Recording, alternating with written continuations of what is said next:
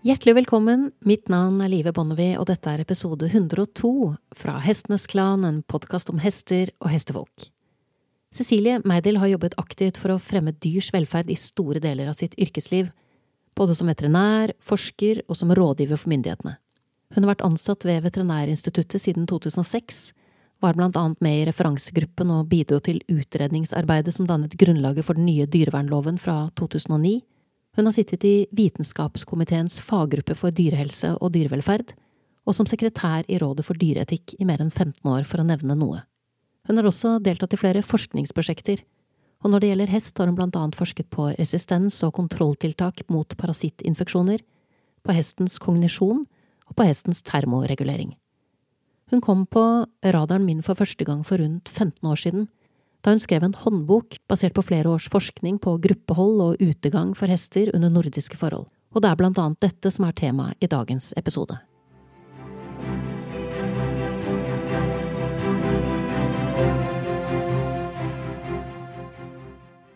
Cecilie, nå sitter vi på kontoret ditt på Veterinærinstituttet. Ja. For å snakke om eh, en bit som jeg er veldig opptatt av, som er knytta til naturlig atferd. For første gang jeg kom over navnet ditt, det var jo i forbindelse med hest på utegang. Ja, jeg laget et lite hefte om hest på utegang.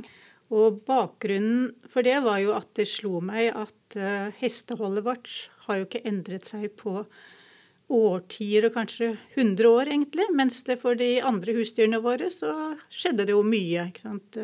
Løsdrift for kua, og løsdrift for grisene, Burene til høns skulle bort, eller iallfall forbedres vesentlig, mens på hesten sto fortsatt på sin, uh, sitt spiltau eller i beste fall en boks, og var kanskje bare ute en time om dagen. Kanskje ikke det engang.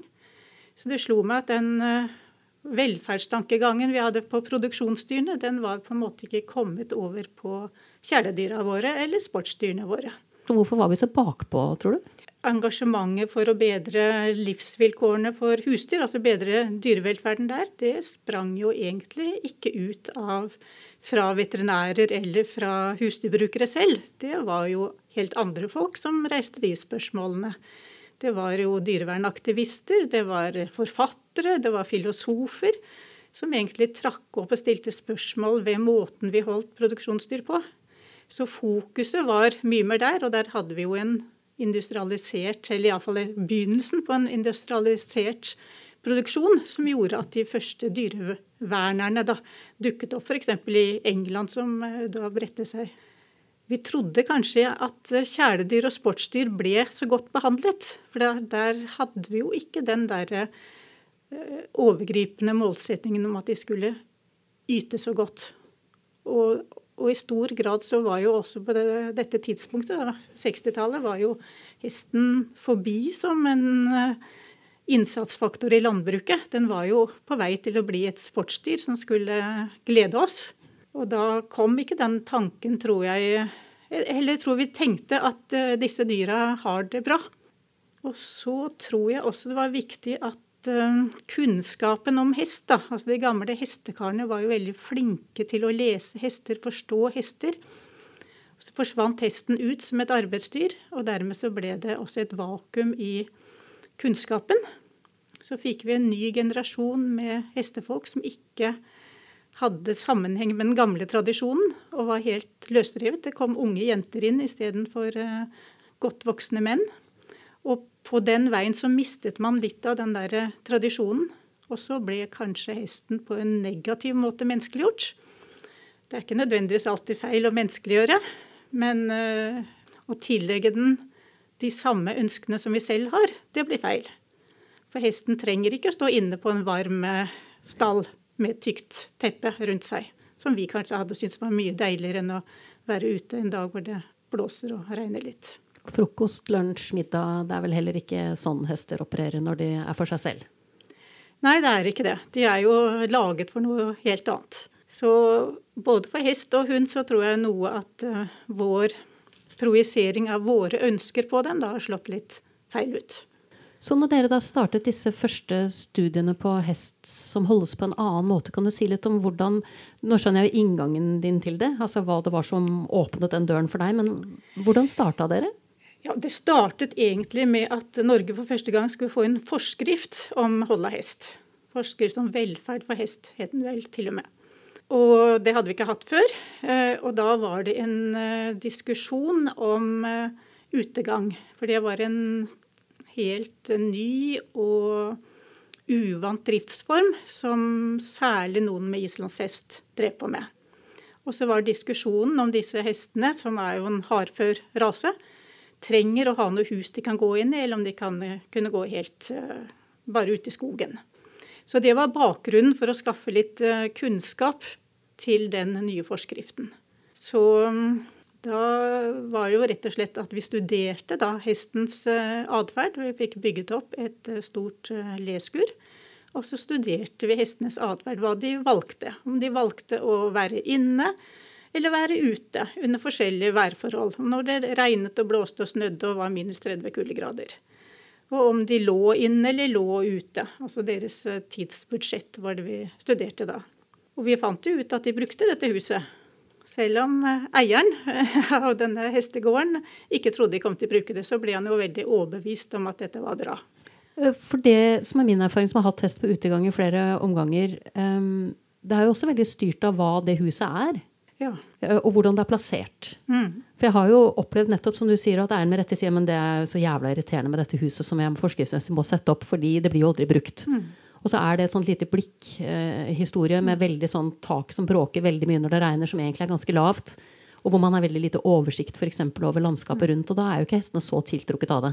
Nei, det er helt riktig. Helt riktig observert. Og det var jo det argumentet som ble brukt av disse som drev på den måten med hest.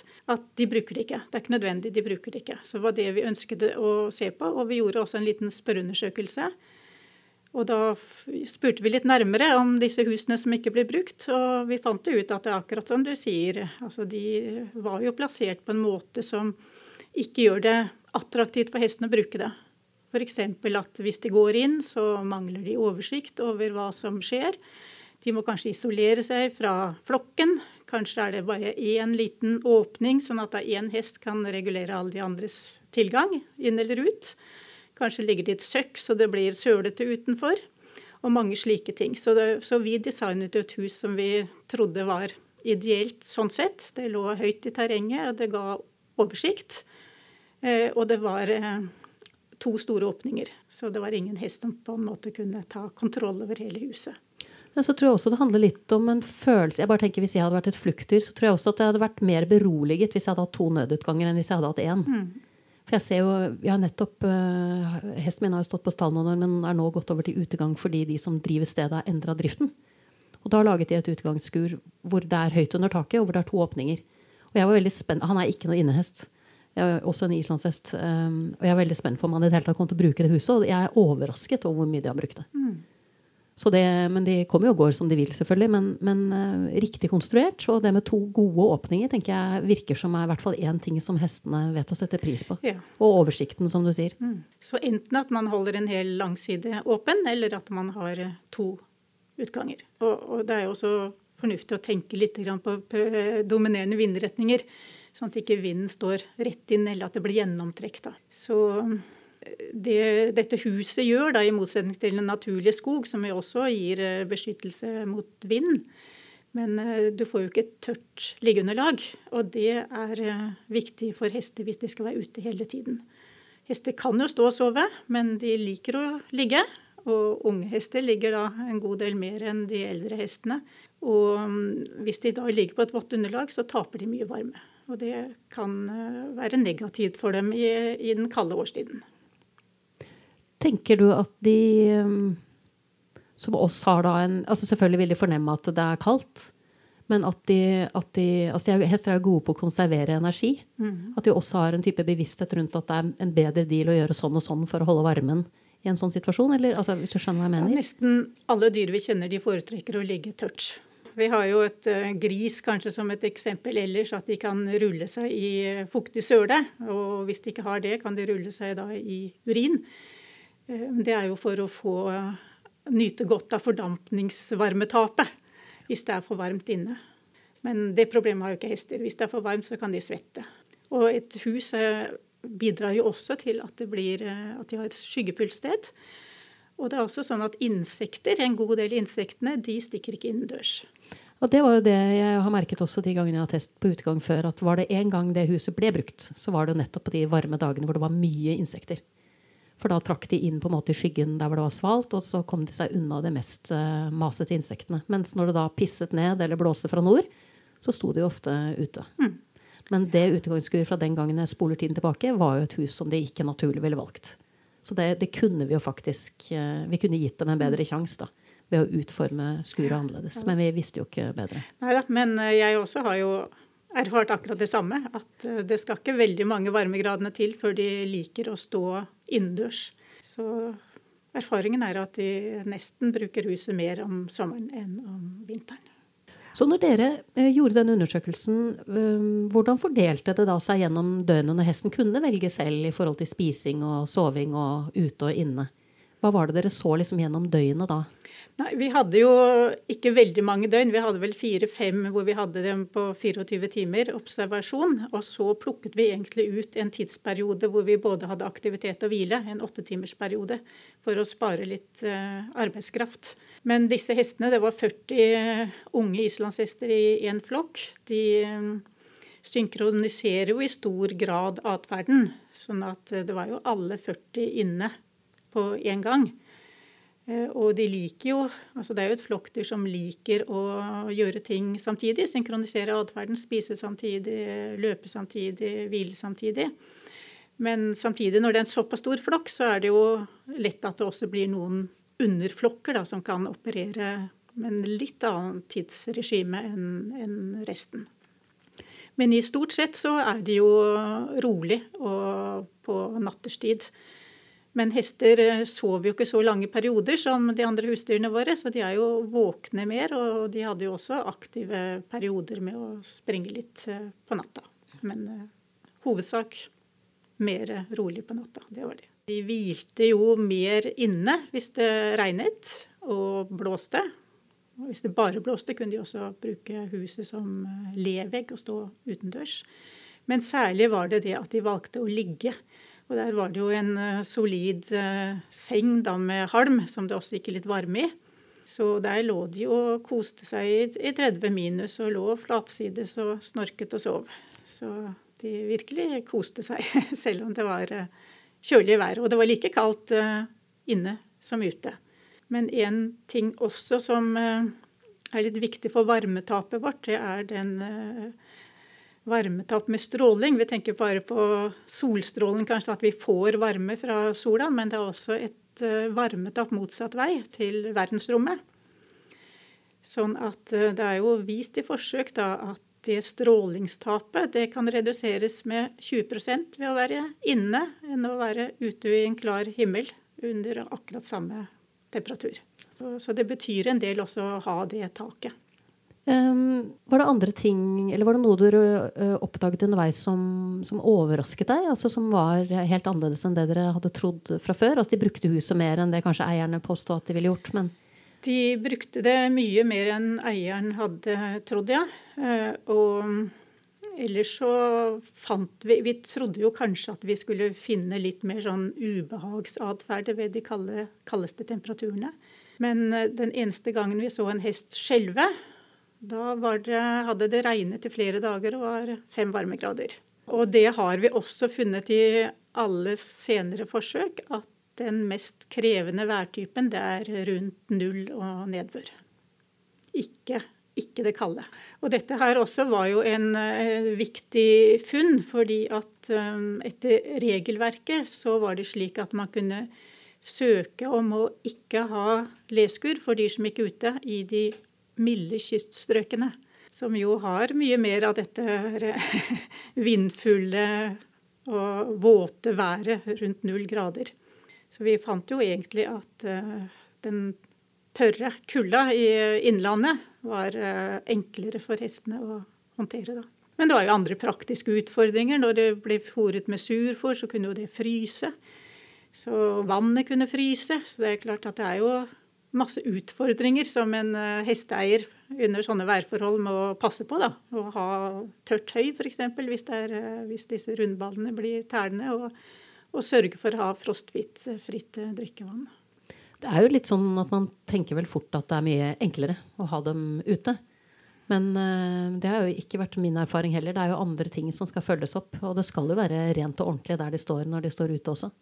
Ja, det skal det. Og og i første omgang så er det jo, kan det virke som det er arbeidsbarene, selvfølgelig. Eh, du slipper å ta hester og ut og møkke inne hver, hver dag. Men eh, som du helt riktig sier, så kreves det jo litt andre egenskaper. For at du må jo stå og se på dem ganske lenge. For du ser ikke nødvendigvis at det er en hest som har litt dårlig appetitt, eller har fått diaré. Så du må bruke øynene og observasjonsevnen litt mer for å oppdage at noe er på gang. At hesten holder på å bli syk. At det er, eh, er et eller annet som ikke er som det skal. Så det må hun passe på. Og så er det jo selvfølgelig at man må jo holde det reint for å holde parasitter og slikt under kontroll. Da. Det er et veldig interessant poeng du trekker fram der, at man på en måte har glemt hvor mye oversikt man har over hesten når den står på boks. Både fordi den automatisk blir håndtert på vei ut og inn, men også fordi man vet akkurat hva som kommer inn, og hva som går ut. Så det er klart, som du sier, å eh, observere dem eh, blir jo veldig, veldig viktig. Ja, og ikke minst også å ta litt på dem. For har du en eh, litt raggete hest på utegang, altså en shetlandsbonny eller en islandshest eller noe sånt, så må du jo ta på den for å kjenne på holdet. Du, du ser ikke det. Du skal helt bortpå. Og jo mer du håndterer en hest, jo lettere er det på en måte å oppdage at eh, det er noe avvik. Men dere observerte da 40 islandshester. Mm. Hva tenker du om utegang på hester som er hva skal jeg si, mindre kledd for norske forhold fra naturens side? Altså mer varmblodige hester? Ja, i det samme området så hadde vi faktisk to engelske fullblodshester, også unghester, som gikk på en sånn uh, Eh, utegang. Av noen årsaker så måtte de utgå av uh, prosjektet. Så de klarte ikke å følge helt uh, protokollen. Men selv en engelsk fullblodshest får en ganske fin pels. Og, og, som sagt, altså har de inngang til nok areal inne. Og kanskje en sånn varmblodshest også skal kunne fôres inne, så den ikke trenger å være ute i regnet. Men de aller fleste tilpasser seg jo, over litt tid iallfall, og får en tykkere pelskvalitet, og de spiser mer. Dette her med å spise øker og stoffskiftet, sånn at de klarer å holde Altså det å spise gir en ganske høy varmeproduksjon. Så har de litt tid på seg, så klarer de det, de aller fleste. Men uh, det er jo aldri sånn at uh, biologien er 100% så man må jo vurdere det enkelte individ. Ja, for det blir vel litt som med mennesker at noen er jo frøsne og litt sånn sarte av natur, og andre er det ikke? Ja, vi, vi, ser jo ikke minst eh, det vi skal snakke om senere, med hvordan de velger med dekken, så er det klare individpreferanser. Så det er jo litt som med oss, noen er mer frøsne. Og det kan jo være hester som er litt eldre og begynner å bli litt stive i, i ledd og For da og blir behovet for, for, varme og Det blir jo som oss. Det blir jo, uten at man menneskeliggjør resten, varmebehovet og komfortbehovet blir jo større når du blir mer frøsen og mer støl eller stiv. Ja, og så går jo stoffskiftet ned på de eldre dyra. Altså En uh, ung hest som er i vekst, har et ganske høyt stoffskifte. Og det er jo stoffskiftet som er uh, varmeovnen i kroppen. Det er den som produserer varme. Og varmetapet er jo på en måte det samme over huden. Men når uh, varmeovnen skrus ned, så vil jo dyret fortere føle seg kaldt da. Eller oss mennesker. Er det skjelvingen som er det eneste, eller den tydeligste indikatoren på at hesten er for kald? Eh, da vil jeg iallfall si at det er klart tegn på at det er for kaldt. Så hvis hesten stadig eh, skjelver, så bør man legge på et dekken eller, eh, eller ta den inn eller ta noen tiltak. Men skjelving er jo også kroppens måte å produsere varme på. Altså Når en hest beveger seg, og i det muskelarbeidet produseres mye varme, faktisk så går så mye som 80% av det arbeidet går over i varme. Men skjelving, da går alt til varme. Så det er egentlig kroppens egen måte å produsere varme på. Men det er jo forbundet med ubehag. Så derfor er vi litt opptatt av det, da. Men andre tegn på at, eh, at det er litt kaldt, er jo hvordan hesten står. At den står litt sånn stivt, kanskje. Står litt trangt med beina, har lårene klemt inntil hverandre og halen tett ned. Det er jo sånne tegn man kan se på, da. Og, og alle kjenner vel til at hester ofte stiller seg med bakenden mot været hvis det blåser. Og vi har jo også sett at iallfall islandshester som går såpass mange en flokk, at de kan stille seg i en flokk ganske tett, sånn at de tar litt vinden fra hverandre også. Så det er også en sånn varmereguleringsatferd, da. Jeg tror jo faktisk, eh, basert på min erfaring både med islandshester og andre hester, at islandshesten nesten har et litt annet hva skal jeg si, Man sier ofte at en hestelengdes avstand er liksom hestens komfortsone. Mm. Mens at islandshesten som er vant til et såpass kaldt klima, har vært vant til litt som keiserpingviner å klumpe seg sammen. Sånn at de forholder seg til avstand til andre hester på en annen måte. Jeg bare sett det på en del klinikker at de Jeg tror det vokser ut av det. Da, at de har større tradisjon for å stå tett for å holde varmen. Nei, Det kan godt hende at eh, den individavstanden er litt annen på islandshester. Det man vet er at den er litt lavere på unghester. Sånn at unghester kan eh, tåle å stå mye tettere enn det, enn det voksne hester gjør. Og så er det også slik at islandshester ofte er vokst opp i flokk, sånn at de er kanskje lettere å beholde på en måte den toleransen ved andre hester tett innpå enn eh, hester som ikke er vokst opp i flokk og er holdt sånn enkeltvis fra med en gang man begynner å håndtere dem. Så det er vel begge tingene, kanskje. Så hvis jeg, hvis jeg, hadde en hest som var holdt eh, enkeltvis og ikke var oppvokst i flokk, og av ulike grunner tenkte at jeg hadde lyst til å utforske hvordan har han det hvis han står mer sammen med andre hester, så kan det kanskje være litt utfordrende overgang for hesten? Ja, det kan det absolutt være. Så da må en jo følge litt eh, med. For denne hesten altså Det blir jo som folk at vi må jo lære oss å omgås andre. Og hvis man har opplevd å bo i et isolat, og så plutselig skal ut med flokken, så vet man kanskje ikke helt hvordan man skal oppføre seg. Så det er noe med dette hestespråket som, eh, som eh, kanskje ikke har lært på samme måten. Og vi har jo gjort noen undersøkelser om hvordan man skal best sette sammen flokker også, som skal gå ute sammen. Og det kan jo bare være beite, for så vidt. Men eh, det å ha en voksen hest eller to i den flokken setter jo disse ungdommene litt på plass, sånn at de oppfører seg litt eh, penere. De slåss mindre og leker mer. ja, så ha noen som setter rett eh, tone, rett og slett, mm. for flokken. Mm. Jeg tenker også at En av grunnene til at folk kan kvie seg for å ha hestene sine sammen med andre hester, handler jo om skader. Ja. Og det er klart at Hvis man da har hatt eh, to enkeltholdte hester som så skal gå sammen, og man bare på en måte setter dem sammen og ser hvordan det går, så kan man jo få litt feil inntrykk av hva flokklivet er, fordi de kanskje er nødt til å prøve å finne ut av ting, og ting kommer brått på dem. Mm. Ja da. Nei, vi har jo Mye av den forskningen eh, jeg har vært med på, har jo vært sammen med professor Knut Bø på Landbrukshøgskolen, eller det som nå er Universitetet for miljø- og biovitenskap, og Grete Jørgensen, som jobber i NIBIO på Kjøtta. Eh, men da vi begynte å jobbe sammen om sånn gruppehold, så var vi en del av et nordisk eh, prosjekt med deltakere fra både Danmark og Sverige og Finland, og en liten stund også Island. Og bakgrunnen for det prosjektet det var jo å fremme eh, mer gruppehold av hester, for å ta hensyn til deres sosiale behov. Men da prøvde vi å se på hvilke fordommer eller synspunkter da, som er til hinder for at folk lar hester gå sammen. Så da testet vi jo nettopp ut det med, med skaderisiko. Eh, og, og, vi så jo også på hvordan en flokk bør eh, settes sammen. Og vi så også på dette med introduksjon av hester, nye hester i en flokk. Dette må du gjerne si noe om. Ja. Og vi så også på en, en fjerde ting som også var en sånn eh, folk var redde for, da. Og det er at det kan være farlig. De mente det kunne være farlig å hente hesten sin hvis den går ut i en flokk. Så all, alle disse tingene her, det, det, ble tatt opp i løpet av dette prosjektet, da. Så forskjellige land gjorde litt uh, ulike ting, da, men uh, til sammen så fikk man kunnskap om mye av dette. Så hva lærte dere om den beste måten å introdusere en ny hest på? Ja, igjen så må man se på individene. Men det beste er jo å gjøre det veldig gradvis. Og kan man slippe dem første gang sammen når, uten at noen har sko på bakbeina, er det jo fint. Det er godt å ha god plass, kanskje helst i en beitesituasjon.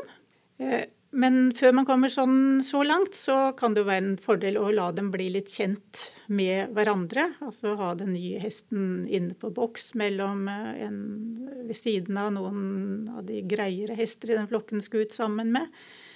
Og så kanskje la den stå ved siden av innhegningen til flokken. Og så kanskje la den utforske innhegningen til flokken mens flokken er eh, et annet sted. Sånn at man gjør det gradvis og se an. Og så kan man jo begynne å legge fôret litt nærme gjerdet, og så kan man prøve å følge med på hvordan, hvordan, det går.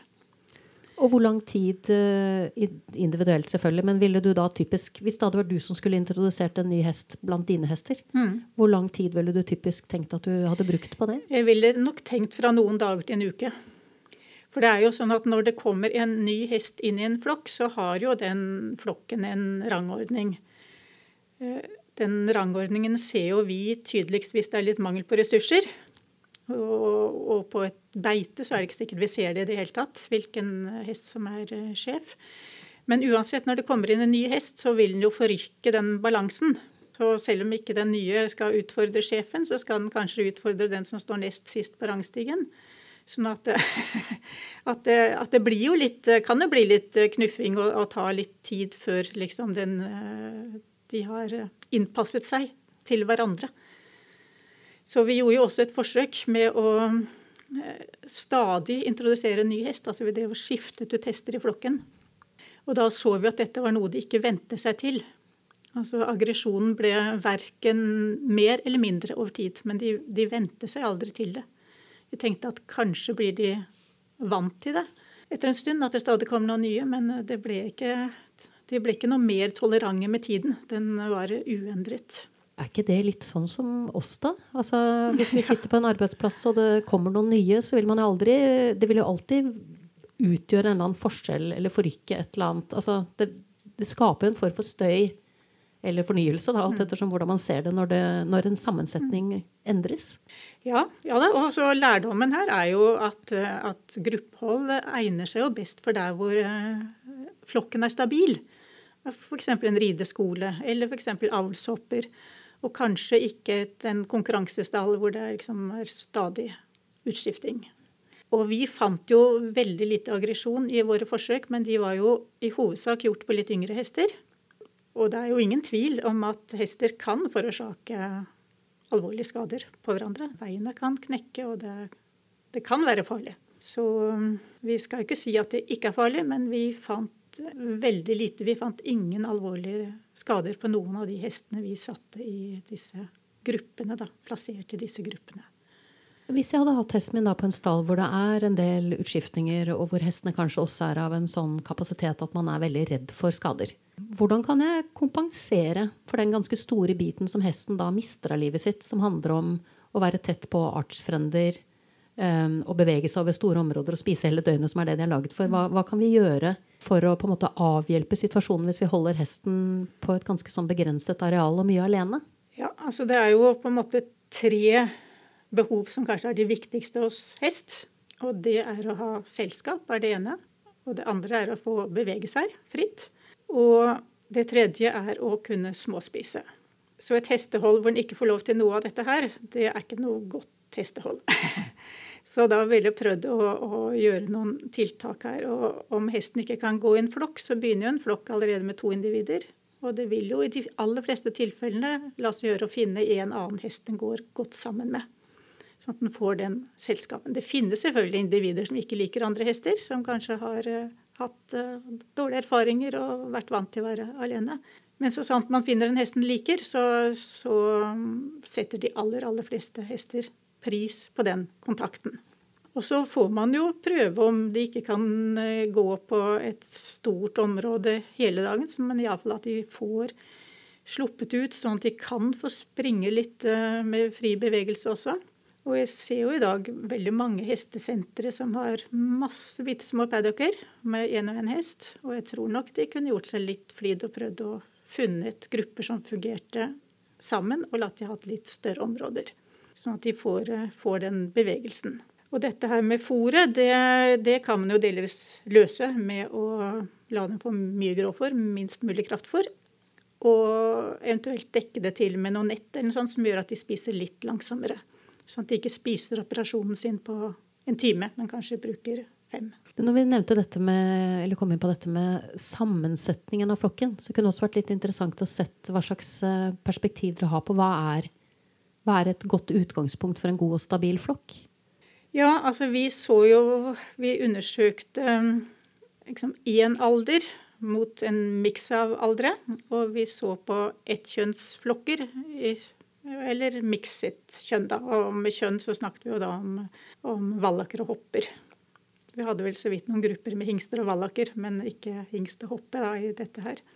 Så det vi så, var jo at uh, flokker med både hopper og vallaker, de lekte mer. Vallaker er litt mer lekne, og de fikk også hoppene til å være litt mer aktive. Så de hadde en positiv effekt på hoppene, faktisk. Eh, men så er det jo så at enkelte vallaker er jo da har litt hingstenatur, og de kan jo pare, faktisk. Altså de kan jo få, få en stiv penis og, og, gjennomføre en paring. Og det er ikke nødvendigvis så veldig ålreit at de gjør det. det Hoppene kommer jo i brunst hver tredje uke, og det er jo en viss infeksjonsfare når dette er, eh, fortsetter. Altså I motsetning til en hoppe og en hingst, så vil jo hoppa da bli drektig i løpet av kort tid. Og da gjentar ikke dette seg. Så, så, det er jo på en måte argumentet mot å ha kjønnsblante flokker. Og selvfølgelig hvis denne vallaken som leker hingst blir eh, aggressiv mot de andre vallakene f.eks., så er jo det også en ting å vurdere. Men i hovedsak så fant vi at uh, hopper også i, de blanteflokkene var mye mer aktiv enn i de rene hoppeflokkene. Mens rene vallakflokker er også aktive. Så de er litt mer guttete, lekne av seg, enn disse damene. Og når det gjaldt uh, aldre, så så vi at unghester har godt av å ha en eldre Gjerne en vallak, faktisk, som er litt sånn kulere. En del av disse hoppene blir litt uh, sure, faktisk. litt kjeftete. På. De blir jo egentlig veldig like oss i forhold til barn og unge, da, som også trenger på en måte å ha noen som de kan eh, orientere seg mot. Og at den kule onkelen mm. som er litt utradisjonell, er jo morsommere enn tante som sitter og strikker. Mm. Men igjen så er det individforskjeller, ikke sant? så man må, man må nesten prøve seg fram. Det er ikke én oppskrift som er den riktige. Man kan prøve seg fram. Du har jo hest selv. Ja. Jeg har én eh, islandshest. Som eh, akkurat nå er det en liten flokk. Det er bare fire stykker. Så den går på utegang. En fin utegang, og de har tilgang til to sånne leskur-typer der, da. Mm. Og det um, blir vel basert også på det dere fant ut, men altså den foretrukne måten for deg å holde dine hester på? Altså at de får denne flokkstimuleringen, muligheten til å bevege seg fritt? Ja, og det, vi kan jo snakke litt med det å bevege seg fritt, for hesten er jo et stort eh, dyr som har godt av å bevege seg. Den gjør det fra naturens side, så beveger den seg veldig mye. Og når en hest blir stående, så mm, har den faktisk ikke pumpekraft liksom, til å få lymfe og blod tilbake i kroppen. Så mange hovner jo litt opp i beina når de blir eh, stående. Mens når de er ute, så, så virker disse venepumpene litt bedre. Blodet strømmer tilbake, de får ikke hevelser. De holder ledd og sener sånn smurt og elastiske. Så det er, eh, det er sunt for dem å ha den eh, lille bevegelsen. Så man kan jo gjerne legge han også uteområder slik at de må bevege seg litt.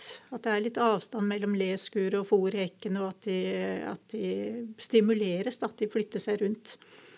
Og der er det jo sånne egne systemer som de kaller sånn aktiv stall, active stable, som har eh, findyrket dette og, laget det ganske high-tech, hvor hestene går med transpondere, og hvor det er porter som kan åpnes eller lukkes, sånn at de som trenger mer fôr, kan slippe inn et område med litt mer næringsrikt fôr enn de andre. Men noe av de samme prinsippene kan man også få til et vanlig utedrift uten å kjøpe alle disse her eh, dyre smartportene og transponderbrikkene. Men tankegangen, å stimulere dem til å bevege seg, det er, det er eh, gunstig. Og så mm, tror vi jo, det har vi ikke akkurat sjekket, men at hester som går eh, ute hele tiden og får de stimulansene, de blir tryggere å ri. Fordi at de skvetter ikke nødvendigvis av en spurv som eh, flakser opp ved siden av dem, for de har sett det så mange ganger før. Så de er, eh, de er litt mer vant i vind og skygger. Og, og, og, og, så har de ikke så mye opparbeidet eh, overskuddsenergi. Som en hest som står på boks og så kommer ut og møter alle disse stimulansene ute, den kan jo fort Det er jo et både et dyr som har masse krefter og liker å ta en liten sprett. Så de, de kan jo være litt mer reaktive når de kommer ut. Så erfaringen er jo at hester som går på utegang, er mye roligere på sånne ting som forekommer i naturen. Da. De, er, de har sett et fly før, og de har Ja. Det er jo så mange ting jeg kunne spurt om, Cecilie, men du nevnte sånn i en bisetning eh, som for meg blir veldig abstrakt, som arbeider med misansest, altså dette med at man uroer seg for at det er vanskelig eller skummelt eller farlig å hente hesten sin når den går sammen med andre. Har du noen, noen tanker eller noen råd eh, knyttet til det? Ja, vi gjorde jo noen forsøk med det. Og da gikk vedkommende ut da, og skulle plukke ut en hest. Og da valgte vi ut uh, eksisterende gruppehold, og hadde da en testperson som gikk ut og skulle hente en spesiell hest. Og legge på den en grime og leie den ut. Og det var Vi hadde vel 100 sånne. Det var det én eller to ganger det var en hest som stakk unna. Men så det, gjennomgående var det ikke noe vanskelig å få tak i den hesten litt sånn horsemanship-egenskaper eller kunnskap om eh, hvordan du skal gå mot en hest, er nok eh, lurt. Men det var ikke sånn at de hatet å skulle bli tatt ut av flokken, som vi kanskje trodde. At flere liksom ville kvie seg litt. Så det gikk veldig lett å få gå og hente testen. For en tilvenning kan det sikkert være lurt å gi den hesten noe godt å spise når du først har tatt den ut. Sånn at den forbinder det med noe positivt, ikke bare å svette en time på en ridebane. Men også så vi hvordan de andre hestene reagerte. Eh, og der eh, er det sånn at det var ingen eh, av disse situasjonene som det kom noe farlig situasjon, men vi så jo at enkelte dominante hester skulle prøve å avskjære litt. Så det var jo fornuftig å ha et øye bak over skulderen for å se om det kom noen andre hester som skulle interferere her. Så mm, det fantes enkelttester som gjorde. Men uh, ut fra analyser av de 100, 100 gangene, så uh, regnet vi at dette her er helt trygt med normal hestekunnskap. Vi så jo også at det var lurt å ikke sette sånn fôr eller vann akkurat ved den porten hvor du skal ha ut hest, fordi at da kan noen av de mer dominante også skulle liksom forsvare litt der og, og interferere litt mer. Det er egentlig et veldig enkelt uh, triks som jeg også har praktisert på, den, på de fleste stallene der jeg har hatt hester på utegang. At fôret leveres et helt annet sted enn der hvor det er praktisk å levere det, som er rett ved inngangen. Og det jeg hadde med en venninne av meg som ikke er vant til utegangshest, opp på stallen en dag, så kom vi ut med fôrsekkene for å fôre. Og så gikk alle hestene bort. Og da ble hun liksom Hvor skal de? Og da skulle de til fôringsplassen, som var på den andre enden av uteområdet. ikke sant? Så istedenfor å da stå og knuffe og kave ved porten, så, så gikk det bare dit de visste at fôret skulle leveres. Og så kunne man bare rusle bort med fôret og, og fôre der hvor de var vant til at det ble fôret. Så det er et veldig sånn enkelt ja. triks. Ja.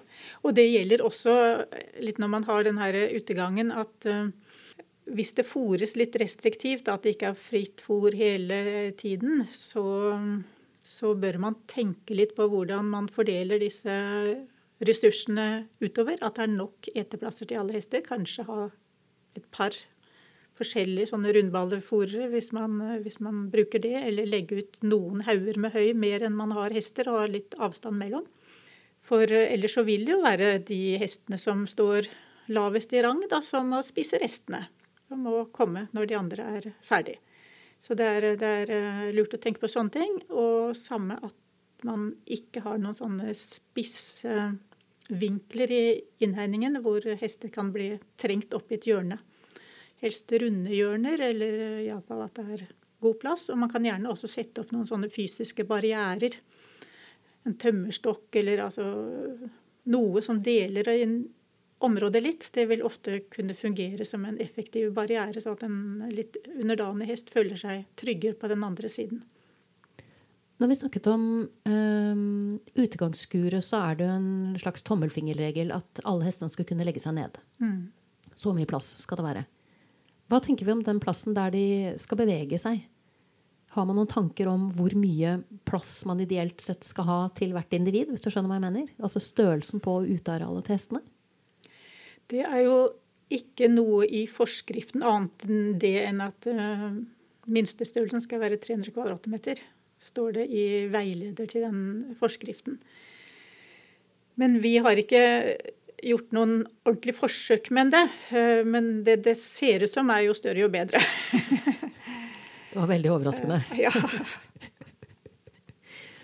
Og, og, er det stort område, så vil det jo også være litt mer sånn naturlige ting å spise på. Og, og for hester sånn som islandshester eller fjordhenger, som ofte blir veldig feite av å ha mye fôr, så er det større naturlig område, så kan man jo lettere legge inn litt kvist og kvast og litt annet som de kan spise på, eller at de finner det naturlig.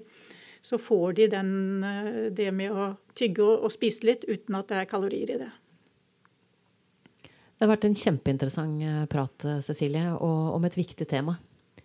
Jeg tenker det at hestene får muligheten til å være sammen og bevege seg fritt, er en så stor bit av livet deres. At det er fint å snakke med en som, som har studert det sånn som du har gjort. Jeg lurte på om jeg kunne avslutte med det som er mitt signaturspørsmål på podkasten. Hva du har lært eller vet om hester som du tenker er viktig at alle som driver med hest, vet? Ja, det jeg tenker, er at uh, de må anerkjenne hesten sin som et individ. Og kanskje begynne å se litt etter uh, hestens uh, signaler. Så hvis en hest som pleier å ta bitte greit inn i munnen, ikke vil åpne munnen en dag, så kanskje har den et lite sår der? Er det vondt i en tann? Altså være litt mer oppmerksom på hestens signaler. Det finnes jo hester som oppfører seg dårlig, men av og til så kan det være en god grunn. Så det er vel det jeg vil si. Være litt obs på å lese hesten, ikke bare ta den for gitt. Du har nettopp hørt episode 102 fra Hestenes Klan, en podkast om hester og hestefolk. Og hvis du er blant dem som ikke slår av med en gang du hører denne setningen, så tenkte jeg skulle komme med en liten oppsummering av hva som skjedde etter forrige ukes episode for der oppfordret jeg alle lyttere av podkasten til å dele den med én eller to venner. Og denne uken vil jeg takke alle som tok meg på ordet og gjorde det. Jeg kan ikke se i min ende om det var én eller to lyttere som delte den med mange venner, eller mange lyttere som delte med to. Men det jeg kan se av statistikken, det er at podkasten hadde en økning på 34% Så tusen takk til alle som bidro. Når det gjelder dagens episode, så tenker jeg at det alltid kan være verdt å tenke gjennom hvordan man har valgt å holde hesten sin, og ikke minst hvorfor. Jeg gjør stadig denne øvelsen selv også, for det er fort gjort å glemme at fravær av dårlig velferd ikke er det samme som at velferden er god. Da gjenstår det bare for meg å takke min faste komponist Fredrik Blom, min gjest Cecilie Meidel, og sist, men ikke minst vil jeg takke deg, kjære lytter, for at du deler, og for tålmodigheten.